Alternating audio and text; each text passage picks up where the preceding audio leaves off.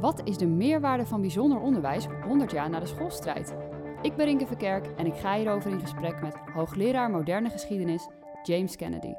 James Kennedy, jij hebt eigenlijk je onderwijs helemaal in Amerika gevolgd en desondanks ben je heel geïnteresseerd in het Nederlands bijzonder onderwijs. Hoe komt dat? Ik ben uh, zelf geïnteresseerd in bijzonder onderwijs uh, omdat ik zo lang heb gezeten op Amerikaanse scholen en universiteiten. Dus het wel en wee van die scholen, uh, identiteitsvraagstukken, dat zijn dingen die mij in Amerika heeft bezig gehouden. Dus toen ik hier een baan kreeg, nou ja, dan zou je kunnen zeggen, ja, dan heb ik ook wel belangstelling voor hoe het hier uh, dus aan toe gaat met bijzonder onderwijs. Maar ik denk niet dat het zo is dat elk kind wat in Amerika bijzonder onderwijs genoten heeft ook zich gepokt en gemazeld voelt door bijzonder onderwijs en er vervolgens uh, nog zo in verder gaat onderzoeken. Dat maar is, dat heb jij wel gedaan. Dat en heb hoe ik wel komt gedaan. dat dan? Ik ben wel geïnteresseerd in het algemeen in hoe Nederlanders moreel vormgeven aan hun samenleving. Dus ik heb onderzoek gedaan naar uh, de geschiedenis van euthanasie in Nederland, van uh, drugs uh, in Nederland, ook over kerkelijke verhoudingen in Nederland. Dus het ligt ook een beetje voor de hand dat ik ook al geïnteresseerd ben. Is nou, wat is de betekenis nou van onderwijs in Nederland? En hoe zien Nederlanders de, de betekenis ook van bijzonder onderwijs? En natuurlijk, ik ben historicus, hoe verschuift dat dan ook op termijn? En wat vind je zo fascinerend aan de moraliteit van de Nederlander? Wat ik erg interessant vind van de moraliteit van uh, de Nederlander is, is dat ze dat aan kleine groepen of inmiddels aan individuen uh, overlaten. Er is in Nederland geen heersende moraal zoals je in de Verenigde Staten ziet. Eigenlijk Amerika is een strijd van nou, wie moet nou eigenlijk bepalen wat het heersende moraal is. Hè? Dus links, rechts, de, de, grote strijd daarover. Maar omdat Nederland zo pluriform is geweest, uh, hebben ze eigenlijk uh, besloten uh, agree to disagree. En dat allemaal als het ware aan elkaar overgelaten om daar zelf vorm aan te geven. Okay, en, en dat is fascinerend, ja, hoe ze dat doen. Want het geeft heel veel uh, vrijheid, heel veel variëteit, maar natuurlijk ook wel veel fragmentatie. Waar valt dat jou dan op? Fragmentatie, zeg je? Nou, ik denk dat het heel moeilijk is, is voor Nederlanders om echt met elkaar te komen om te zeggen, nou, dit is waar wij voor staan. Dat vinden ze echt heel erg moeilijk uh, te doen. Uh, want ik denk de Nederlandse houding in het algemeen is, dat moet je zelf weten. Uh, is natuurlijk ook het meest vaak gegeven advies aan mij. Als ik dan Nederlanders raadpleegd over wat zou ik dan moeten doen, dan was altijd het antwoord, dat moet je zelf uh, weten. En er is ook wel een zekere neiging, denk ik, ook om te zeggen, van, ja, dat moet iedereen voor zichzelf dan wel gaan bepalen. En dat betekent dat, ja, dat Nederlanders intern heel erg gemotiveerd zijn door hun eigen drijfveren, maar ook door hun eigen idealen. Uh, maar dat het wel ja. heel moeilijk is om als het ware gezamenlijk wel ergens voor uh, te staan. Want dan lijkt het alsof je eigenlijk een ander minder ruimte geeft. Of misschien ook wel dat je zelf al te kwetsbaar opstelt. En zegt, ja, nou ja, ik maak nu wel een grote claim, maar mag ik dat nou eigenlijk uh, doen? Dus Nederlanders vinden dat best wel lastig. We hebben een hele grote mond, maar eigenlijk zijn we de hele tijd bang dat wij iets niet mogen vinden. Ja, precies. Ja, ja. Nee, nee, dus dat je inderdaad... Een vorm van grootspraak. Dat je dan eigenlijk uh, dat je ergens staat en uh, je, je claimt meer voor, uh, gezag voor jezelf dan je mag claimen. En toen jij in Amerika volgens mij alweer aan het promoveren was, heb jij over Nederlands bijzonder onderwijs, heb je daar naar onderzoek al gedaan, toch? Vanuit Amerika. Mijn promotieonderzoek ging over Nederland in de jaren 60. En toen dus, woonde je nog in de in, Verenigde Staten? Nou, dan, ik, had, ik woonde een paar jaar in Nederland, dus, begin, dus ik had ook een beurs om hier naartoe te komen. Dus ik heb hier, dus ik heb uh, alle onderzoek hier in Nederland uh, gedaan. Want jouw moeder is Nederlands en ik, ja. ik vermoed dat zo jouw interesse in Nederland ja, misschien ja. ook wel uh, meegegroeid is met jou opgroeien. Precies. Maar wat was, ik bedoel, je moest ook goed kunnen krijgen voor dit onderzoek in Amerika. En, en waarom waren ze daar geïnteresseerd in hoe wij het hier doen? Nou, niet.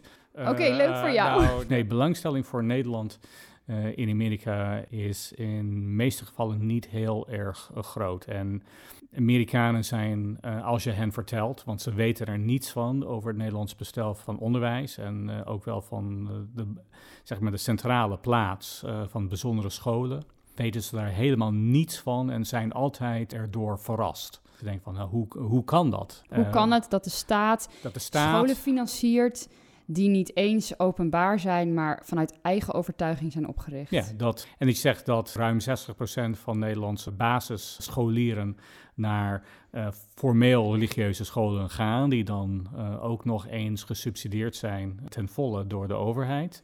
Ja, dat kunnen ze nauwelijks geloven. Maar de realiteit in Nederland is ook weer barstiger. Want er zijn denk ik, een er, was, er is namelijk ook 60% van de Nederlanders vindt dat de overheid niet meer zulke bijzondere scholen hoeft te financieren. Ook al heeft eenzelfde aantal Nederlanders hun kind op zo'n school. Precies. Hoe, zie je, hoe kijk je daar dan naar? Wat je ziet is, is dat Nederlanders hebben inderdaad een niet altijd heel consequent uh, notie van wat nou de waarde is van bijzonder onderwijs. In de eerste plaats moeten gewoon, en dat zeg ik ook meteen, meteen bij, ook wel tegen de Amerikanen en anderen, dat dit is wel formeel zo, maar heel veel van die scholen zijn ook wel nauwelijks meer religieus te noemen. Dat maakt ook verschil, dat ook wel meeste ouders ook geen school kiezen uh, met als eerste reden, of zelfs als tweede, nou, dit is een uh, school met mijn levensbeschouwing. Dus dat moet je ook wel bij zeggen. Uh, Nederlanders weten ook uit enquêtes vinden dat enige morele vorming, ook met bijbelverhalen, in protestantse gevallen bijvoorbeeld, of bepaalde aandacht voor kerkelijke kalender, Pasen, Kerst, dat ze dat ook wel echt belangrijk vinden. Dus, Cultureel erfgoed. Ja, een stukje, nou, ja, een stukje morele, cultureel erfgoed. Iets meegeven aan de kinderen in termen van een bepaalde soort, ja, inderdaad, een bepaalde soort ritme in het leven of bepaalde uh, moraliteit. Dat vinden Nederlandse ouders ook in meerderheid wel belangrijk. Dus, dus ergens hechten ze wel een bepaalde waarde aan wat levensbeschouwelijke scholen ook wel meegeven uh, aan hun kinderen. Dus het is een beetje een uh, uh, gemengd beeld. Ik denk het bestel vooral overleeft omdat Nederlandse ouders vinden het fijn om te kunnen kiezen waar ze hun kinderen naartoe sturen. Dus je zegt eigenlijk, de Nederlander is niet zozeer misschien geïnteresseerd meer in het religieus vormende onderwijs, maar geïnteresseerd in de vrijheid van keuze. Ja. Zij willen niet dat er maar één optie is die door de staat wordt bepaald. Zij willen het gevoel hebben dat ze het zelf mogen weten. Ja, ik denk weer dat je het zelf mag weten. Dat er wel een meervoud aan keuzes zijn, dat vinden ze denk ik uh, vooral wel uh, erg fijn. En daarom hebben ze dan ook wel niet zo heel veel problemen mee met het huidig bestel. En vinden ook juist inderdaad de keuzevrijheid die daar ehm, ook wel mee gepaard is, erg belangrijk en leuk. Ja. Je zegt de waarde van bijzonder onderwijs, uh, noemde je net even als zinnetje. En vanuit welke waarde is het überhaupt ontstaan? Ik bedoel, het wordt nu 100 jaar gefinancierd door de staat, uh, het bijzonder onderwijs. En het bestaat iets langer. Uit welke waarde is het überhaupt voortgekomen? Het heeft te maken, uh, heel kort. Artikel met, 23. Nou, artikel 23, dus dat is dan uh, ook afgesproken in het parlement dat, uh, dat hier zou komen in 1917. En dit is dan wel ten uitvoer gebracht in 1920, dus precies 100 jaar geleden. Het ging er, je kan zeggen, is dat Nederlanders, katholieken, protestanten van verschillende zitten, snitten, dus wat vrijzinniger, wat orthodoxer, uh, uh, liberalen. Ze, konden gewoon, ze kwamen er niet uit over wat je moest leren op de school. En dus wat voor waarden zou moeten worden meegenomen. Moest je uit de Bijbel lezen of niet? Uh, wat voor christelijke waarden, wat voor christelijke vorming? Of zou die er moeten zijn? Nou, daar waren ze totaal niet met elkaar eens. Uh, en dan hebben ze dan ook eigenlijk gezegd van nou, wij willen uh, graag onze eigen uh, scholen oprichten, zodat wij dat zelf allemaal kunnen besluiten. Het probleem was in de 19e eeuw dat de overheid alleen maar de openbare scholen bekostigde. Dat is natuurlijk een, een, vrij normale model in meerdere landen. En dat er gewoon steeds meer notie van was, ja, nou, wij kiezen toch onze eigen scholen en waarom zijn wij dan wel ook benadeeld als het gaat over onze keuzes? Daar moet ook de overheid voor betaald worden. Wij zijn ook burgers, wij betalen ook belastingen. Waarom zouden wij uh, benadeeld moeten worden? En dat is wel een enorme strijd uh, geweest. Uh, je moet ook dat niet onderschatten. Dat is een politieke strijdbijl geweest voor zes decennia. Dus uh, de politiek heeft er echt over, ja, inderdaad, 60 jaar over gepraat in Nederland. En met de hakken over de sloot voorgestemd. Ja, 49 dan, tegen 50 stemmen, geloof ik. Dat ja, het, was, was. uiteindelijk is het wel goed gekomen omdat ze eigenlijk een grote compromis hebben gemaakt. Ook over, want er is een grondwet gekomen. Dus uiteindelijk is het ook wel, als het ging over de vrijheid van van onderwijs is dan wel door bijna alle parlementsleden uh, goedgekeurd. En de ruil daarvoor was iets dat de linkse partijen wilden hebben. En dat was dan de algemeen kiesrecht. En dus ze hebben als het ware voor elkaars voorstellen gestemd. Het was één grote ruil. En daarmee is het dan ook wel grondwettelijk verankerd. Dus niet alleen maar een wet geweest, maar is eigenlijk inderdaad onderdeel van de grondwet geworden. Dus het is, zo is het dan wel gegaan. En ik denk op, op den duur is er ook schoorvoetend erkend van, ja, nou, dit is wel kennelijk zo belangrijk voor religieuze partijen en daar moeten we dan ook wel iets mee doen. Dus er is ook een proces geweest van gaandeweg steeds meer acceptatie, ook een seculiere kring van, uh, ja, nou als het zo moet, dan moet het ook maar zo. En dat verandert nu ik heb wel het idee dat nu bij de seculiere groep ook wel weer wat twijfel over artikel 23 begint te bestaan. Want er zijn wat uitwassen geweest. De islamitische Haga-school en Joodse school, uh, waar wat dingen gebeurden die stof deden opwaaien. En dan horen we meteen Lodewijk Asscher en Klaas van de, van de PvdA, Klaas Dijkhoff, VVD, zeggen van ja, uh, artikel 23 is niet ontzettend achterhaald.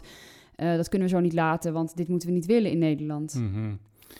Ja, dus er is wel natuurlijk uh, kritiek uh, opgekomen. Uh, er zijn ook in het verleden partijen, ook wel zoals SP, die ook bijzonder onderwijs gewoon geen goed idee vinden. Je merkt wel bij controversies dat het dan wel naar voren komt, inderdaad, met name het ha Hageschool. je ziet ook wel, denk ik, de optreden van Arie Slop van de ChristenUnie om toch wel hen streng aan te pakken, is ook een poging als het ware om het bestel, denk ik, te behouden te laten zien dat uh, hij als het ware het bestel wil behouden, maar dan uh, uh, mensen die dan wel echt daarbuiten lijken te zijn, om die dan vervolgens te gaan bestraffen. Vind jij dat dat samen kan gaan? Hoe hij dat heeft aangepakt? Arie Slop die wilde een ja. islamitische uh, bijzondere school vrijheid beperken, maar ja. niet de christelijke. Ja. Hoe, hoe kijk jij daar dan naar? Nou ja, dan dacht ik ook wel weer van, uh, ik snap wel dat, uh, dat, ik zie het wel en kan ik rechtvaardig een vorm van politieke manoeuvre, dat je zegt van, we willen ook als het ware het bestel niet ter discussie stellen, alleen maar Hageschool uh, ter discussie stellen. De vraag is inderdaad uh, achteraf of de Hageschool wel zo hard uh, naar de letter van de wet aangepakt moest worden omdat het achteraf niet zo heftig bleek als om, initieel leek. Ja, inderdaad. Dan laat je zien dat er wel te veel een neiging was om echt het slechtste van deze school uh, te geloven en om daarnaar te handelen. Maar dat is niet het enige. Het is ook dat uh, hij harder optreedt tegen een islamitische een uitwas dan een christelijke. Ja, precies. Ja. Is in jouw optiek het mogelijk om, op die, om, nee. om, om, vanuit die invalshoek het systeem überhaupt te, te behouden? Nee, zeker niet. Als artikel 23 iets betekent, dan betekent dat uh, het gelijkbehandeling van alle levensbeschouwelijke scholen en eigenlijk alle scholen gezamenlijk. Dus je mag niet zeggen van islamitisch scholen tellen niet op dezelfde manier mee. Overigens kunnen we wel zeggen dat we weten lokaal, ook uit ander onderwijs, dat het wel moeilijker is om islamitische scholen op te richten in Nederland dan uh, christelijke scholen in de laatste tijd. Dus het is niet. Waar zit die blokkade hem dan in? Dat stuit op lokale uh, praktische problemen en bezwaren. Kunnen we dan eigenlijk uh, dit hier huisvesten? En papierwerk, de bureaucratie lijkt wel eigenlijk moeilijker te zijn voor is, oprichten van islamitische scholen dan voor het oprichten van scholen van christelijke snit. En dat heeft niks te maken met dat zij gewoon niet genoeg leerlingen kunnen krijgen voor hun nee, school. Nee, nee, het heeft daar niet mee te maken. Uh, christelijke scholen hebben in de jaren tachtig, toen het een beetje meer opkwam om aparte islamitische scholen op te richten, hebben ook wel uh, daar moeilijk over gedaan. Ze wilden natuurlijk die islamitische leerlingen voor zichzelf behouden. Waarom? Nou ja, meer leerlingen. En als je toch wel breed en inclusief bent, waarom zou je dan niet uh, ook islamitische kinderen, waarom zou je ze er niet bij willen, willen hebben? Dus. dus het heeft niet zozeer te maken, als ik jou zo hoor, met dat christelijke scholen, de islamitische scholen een bedreiging vinden voor het Nederlandse gedachtegoed. Destijds niet. Maar nee. meer voor hun eigen draagvlak hebben zij zoiets van, joh, ja, wij worden alleen maar gozer van, dus kom vooral bij onze club. Ja, ik denk dat dat vooral destijds de motivatie was. De, de, de zorg over de islamisering van de samenleving is echt later gekomen. Uh, dat leefde aan het einde van de 20e eeuw niet zo heel erg. En dus dan denk ik met de eeuwwisseling is dat wel uh, vrij snel omgeslagen uh, naar een wat bredere zorg over de plaats van islam in de Nederlandse samenleving. En dat is volgens mij nu ook wel een van de redenen dat islamitische scholen en ook bijzonder onderwijs soms weer ter discussie staan. Omdat mensen een, eh, zoals ik het lees, een paradox ervaren tussen wij hebben bijzonder onderwijs voor de vrijheid van iedereen. Maar door de, door, door de vrijheid van onderwijs gaat er nu iets onderwezen worden op scholen die eh, wat haak staat op die vrijheid. Dus kunnen we, gaat dit ook zichzelf nu tegenwerken. Ja, zeker. Ik denk, hoe kijk jij daar dan tegenaan? De aanwezigheid van islamitisch onderwijs is nu uh, als het ware de cause, uh, casus belli, dus de, de oorzaak van uh, wrijving en kritische kanttekeningen of oppositie hebben over bijzondere onderwijs in Nederland. Dat is wel de drijvende kracht ervan. Mensen voelen de angst, zien daar of ze er wel echt zijn of niet. Ze zien daar de uitwassen. En dat is denk ik de, de motivatie uh, om dit te doen. En ja, gegeven dat islamitische scholen maar een kleine percentage uh, zijn uh, van het totale pakket van bijzonder onderwijs, kun je afvragen of het nou zo doelmatig is om het hele bestel te bespreken aan de hand van eigenlijk enkele scholen. Ja. Ja, wij spraken elkaar ook even al hè, voor dit gesprek. En toen zei je tegen mij van, jij hebt op uh, Calvin College gestudeerd in uh, Michigan. Mm -hmm. En dat is een uh, college gebaseerd op Abraham Kuypers visie eigenlijk. Ja. En jij zei tegen mij toen van, ja, dat, dat college waar jij geschiedenis hebt Mhm. gestudeerd, een master geloof ik, he heeft meer het christelijke gedachtegoed weten te integreren in onderwijs dan welke school in Nederland ik tot op heden ook heb gezien.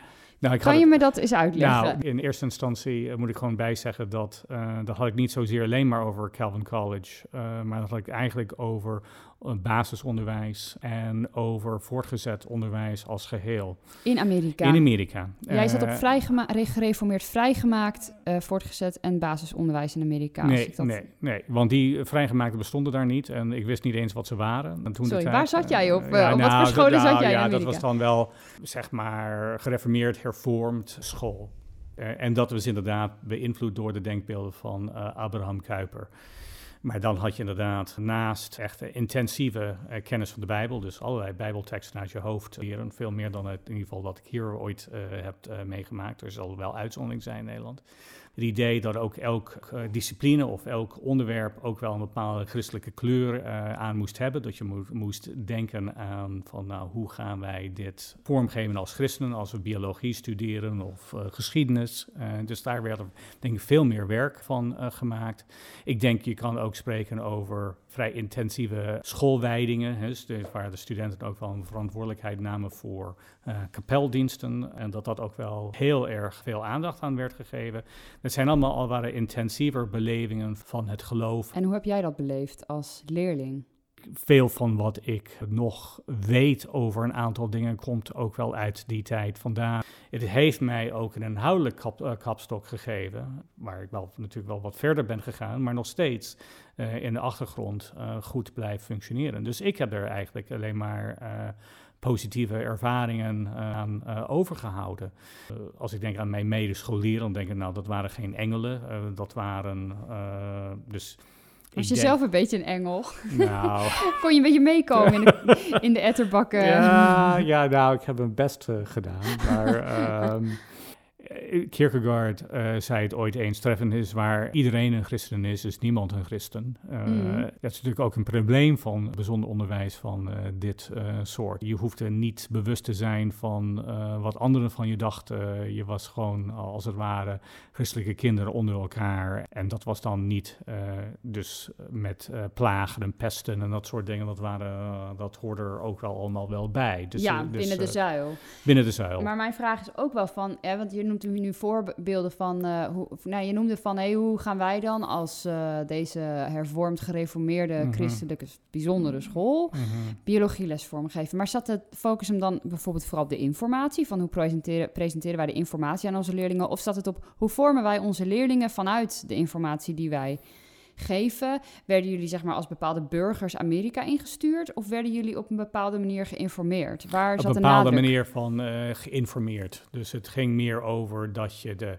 over biologie herinner ik mij dan niet zo heel veel fysiologie, behalve dat je denkt van dat er wat meegenomen werd uh, van over God, nou ja, hoe, hoe, wonderbaarlijk het allemaal was wat uh, God had geschapen. Mm. Dus het was niet zozeer van verwerpen van de evolutieleer, maar was eigenlijk meer een soort, een soort ethos van bewondering voor Gods uh, schepping. Uh, Als ik denk aan vormen van geschiedenis of zo, dan was er eigenlijk meer over van, nou ja, um, waren bepaalde aspecten, uh, bepaalde ontwikkelingen in de geschiedenis wel goed geweest of niet. Als het ging over burgerschap, dan ging het over wat zijn onze verantwoordelijkheden als christenen. Dus maar als ik nu jouw columns lees over bijzonder onderwijs in Nederland, dan ligt jouw nadruk daar helemaal niet meer op. Hm. Jouw nadruk ligt, zoals, zoals op mij overkomt, veel meer op hoe sturen we de leerlingen nu als burgers de wereld in vanuit onze inhoudelijke identiteit. Vanuit welke bijzondere school we dan ook zijn.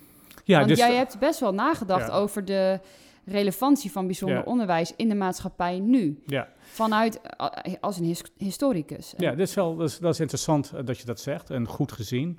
Ik denk dat ehm, er was wel in die zin een bepaalde nadruk op vorming en hoe, hoe sturen onze kinderen uh, de wereld in.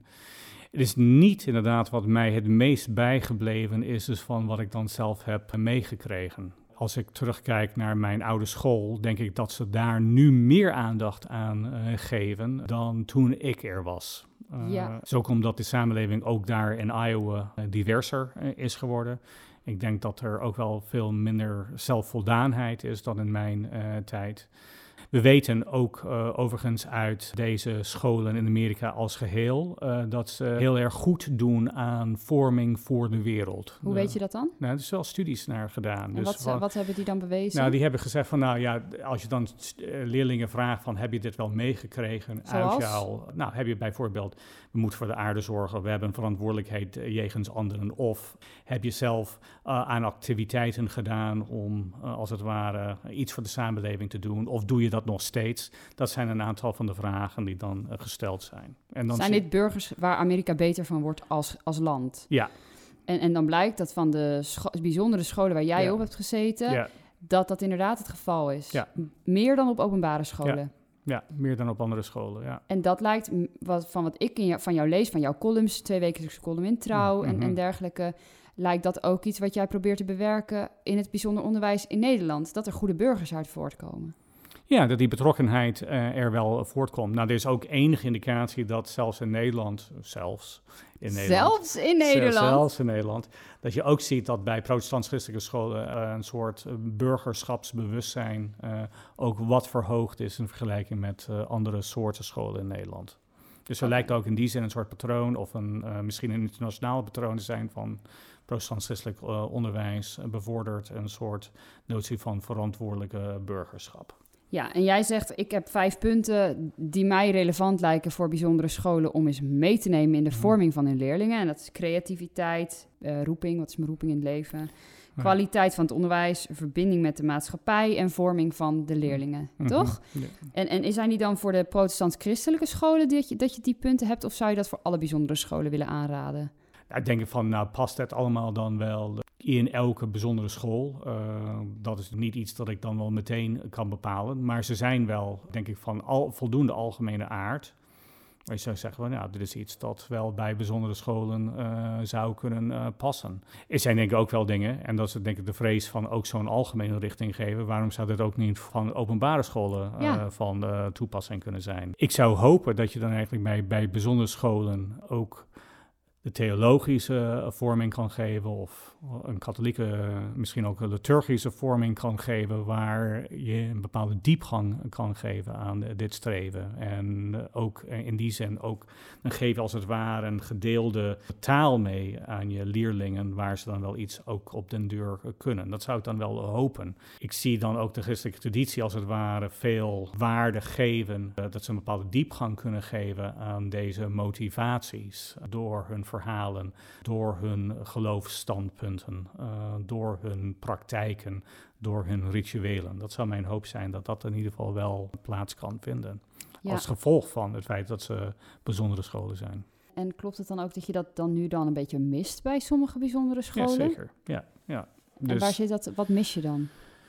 Als ik dan spreek met uh, docenten of uh, ook wel met uh, rectors of conrectors, dan denk ik dat er nog altijd een bepaalde verlegenheid is over hoe kunnen we hier vorm aan geven. Dat ze het antwoord hier niet echt weten. En dat ze denken van ja, wij dat christelijk, uh, ja, dat moet wel een plek krijgen. En we, we kunnen het zeker wel iets doen bij de kerst. En we kunnen wel iets zeker doen, uh, misschien bij andere grote christelijke feestdagen. Kunnen doen wel soms met plachte, uh, plechtige openingen en zo. Maar verder weten we eigenlijk niet zoveel wat wij hiermee kunnen. Dus ik denk dat er, ik denk dat je een probleem hebt met van verlegenheid. Kunnen we hier nog iets mee? Is het verlegenheid van, van, wat jij eerder al zei van een Nederlander die vindt heel erg dat hij zelf mag vinden wat hij vindt, maar vervolgens daardoor vraagt hij zich ook wel af, mag ik dit wel vinden? Precies, is deels, deels, deels is het die verlegenheid. Dat is dan denk ik één probleem. Dat, ja, wie ben ik nou om dit nou voor... We zitten... Mijn hele leerlingen... Ja, mijn, al mijn leerlingen, en mijn leerlingen zijn niet christelijk, uh, dus, of een deel daarvan zijn niet christelijk, of een deel van mijn docentenkorps is niet christelijk. Dus wat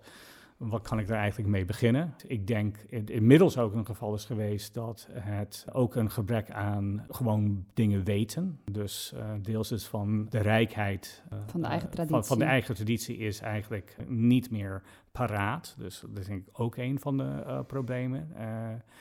Ik denk er ook wel, en dat is denk ik ook een van de nare aspecten van een soort postchristelijke samenleving, is dus dat er een soort veronderstelde kennis is. Ja, we weten wat christendom is en we weten wat het allemaal inhoudt. Maar eigenlijk weten mensen dat uh, helemaal niet. Bedoel, ja. Dus denk ik ook een probleem. En die twee dingen gezamenlijk, die verlegenheid plus, plus die onwetendheid, het zorgt ervoor dat iets dat eigenlijk het andere belang, allerbelangrijkste is, uh, niet uh, naar voren kan komen. En dat is creativiteit. Hoe spring je dan uh, als het ware op creatieve manier met een traditie om? Hoe kun je het eigenlijk doen op een manier die dan wel aansprekend is en verrassend is en tot nadenken zet? En dat is denk ik vooral waar het onvermogen in ligt. En jij zegt dan in een column van, en zo zijn er dus nu scholen die nog hun bijzonder onderwijs hebben om zich ergens te onderscheiden, maar zich niet zo onderscheiden dat het ook maar voor iemand een struikelblok kan zijn. Precies, nou dat is ja. Maar eigenlijk die vijf punten die jij noemt, creativiteit, uh, roeping, vorming, dat zijn hele ongevaar. Waar zou, wie zou daar nou een probleem mee kunnen hebben? Dat scholen dat, bijzondere scholen dat hun leerlingen onderwijzen. Het is heel heel dienstbaar, eh, zoals jij uh, bijzonder onderwijs neerzet, zeker voor dan de protestant-christelijke traditie, of misschien ook katholiek, ja. is heel uh, dienstbaar aan het geheel. Ja. Hoe zorgen wij als school dat de samenleving er een groepje goede burgers bij krijgt? Dat is toch vrij braaf? Nou, omdat ik zou zeggen inderdaad, ik heb zelf een vraagteken gezet van, nou zijn deze dingen eigenlijk niet wat, nou, uh, uh, als het ware waarheden als koeien, dat je dan eigenlijk zegt van nou, bedoel, dat zal allemaal vast wel het geval zijn. Dan kunnen we gewoon alleen maar gaan invoeren en daar kan niemand een probleem zijn. Uh, dat is misschien uh, zo als je ze gewoon zo sec be benadert, en daar ben ik wel heel erg bewust van. Maar wil je ze dan eigenlijk echt gaan ontwikkelen, dan kom je vrij snel tegen bepaalde grenzen van gemak heen. Zoals? Nou, laat gewoon één ding denken, een roeping dat is denk ik misschien het meest controversieel. Hè? Dus je bent eigenlijk uh, ergens toe uh, geroepen uh, op aarde. Maar die vraag is van, nou oké, maar die hele vraag van, oké, maar hoe ontwaar ik mijn roeping? hoe kan ik dat het best verstaan? hoe kom ik eigenlijk tot een betere afweging van wie ik ben en wat ik doe? Nou, daar heb je eigenlijk een, toch wel een goede en geraffineerde theologisch of levensbeschouwelijk uh, uh, apparaat voor uh, nodig om daar over te gaan praten. Dus dat betekent eigenlijk dat je een gemeenschap hebt die een bepaalde volwassenheid moet hebben of een een rijpheid moet hebben in hoe je met elkaar omgaat over zo'n vraag van wie ben ik en uh, wat zou het dan eigenlijk moeten doen. Dat is niet iets dat je dan op een achternamiddag uh, bedenkt, maar het vraagt eigenlijk vrij, vrij veel inzet om van de gemeenschap van jezelf. om iets van te maken. En denk je dat openbare scholen dat ook kunnen? Of denk je eigenlijk dat dat niet kan? Ik denk dat het wel uh, mogelijk is. Ik denk gewoon dat het moeilijker uh, is, omdat er minder uh, een taal voorhanden is om dat tot uiting te laten komen. Ja, je bent voor bijzonder onderwijs, denk ik, hè? dat het blijft ja. bestaan. En waar ligt voor jou het zwaartepunt? Ligt het op dat je denkt dat bijzonder onderwijs een essentiële rol speelt in het vormen van burgers die een gezonde samenleving kunnen dragen? Of vind je dat de samenleving als geheel ruimte moet maken voor de individuele behoefte aan ontwikkeling in de schoolperiode? Want je presenteert het heel dienstbaar. Het bijzonder onderwijs is goed voor het geheel. Maar is dat nou eigenlijk ook wel daarachter voor jou het zwaartepunt van bijzonder onderwijs? Of, of weet je het gewoon heel goed te verkopen? Nee, ik denk dat. Ik vind dat de gebruikelijke taal van zelfontplooiing, die dan eigenlijk min of meer de impliciete rechtvaardiging is van van onderwijs en van menselijke ontplooiing. Ik vind dat uh, te beperkt. Het heeft zijn waarde. Het is niet alsof het uh, nutteloos of waardeloos is, of, maar het heeft zijn beperkingen. En de beperkingen ligt in de feit is dat het eigenlijk gaat vooral over jezelf. En ik mm. vind het in die zin te solipsistisch. Te wat? Te gericht op alles draait om mij. En dat is denk ik in eerste instantie wat kan gebeuren met, met zeg maar notie van ik moet, ik moet, elke kind moet zich vrij ontplooien, elk kind moet zich gaan ontwikkelen zoals, uh, zoals hij zelf wil. Dan vind ik inderdaad, het, en daar lijkt de waarde daarvan te zijn uh, voor bijzonder onderwijs en het, het algemeen. Zoals maar ik zei, het is niet dat openbaar onderwijs dit niet kan doen. Maar ik denk dat er wel meer repertoire, meer dingen voorhanden ligt bij bijzonder onderwijs. Te zeggen van nee, dat is, uh, daar kan het niet alleen maar uh, over gaan. Uh, natuurlijk gaat het ook over jezelf, maar het gaat niet alleen over jezelf. en het, het, betekent dat, dat je ook wel een verantwoordelijkheid ook draagt tegenover anderen. En ik zou ook wel zeggen van bijzonder onderwijs is, is dat ik hoop, en dat is denk ik iets, is dat die diepgang in jouw verantwoordelijkheid tegenover anderen en jouw liefde met name ook voor anderen, dat dat ook wel uh, zijn pendant krijgt, ook wel in een groeiende liefde voor God. Dus dat is denk ik iets dat ik ook heel graag zou willen, dat bijzonder onderwijs ook wel uh, weet uh, te koesteren en te vormen. En tegelijkertijd zeg je, en als we dan het bijzonder onderwijs hebben en we stoppen de christenen bij de christenen om ze te vormen tot liefhebbende wezens, dan is het geen christen meer volgens Kierkegaard? Ik, ik zou zeggen, ik ben in een, ik ben in een county of een rayon uh, grootgebracht waar vrijwel iedereen naar de kerk ging en je wist de tientallen mensen die dat niet deden. Nederlanders, ook Nederlandse kinderen met uitzondering van enkele dorpen in Nederland, wonen niet meer in zo'n setting setting, er is een setting die een pluriform is. Er is een setting van mensen van andere geloven en geen.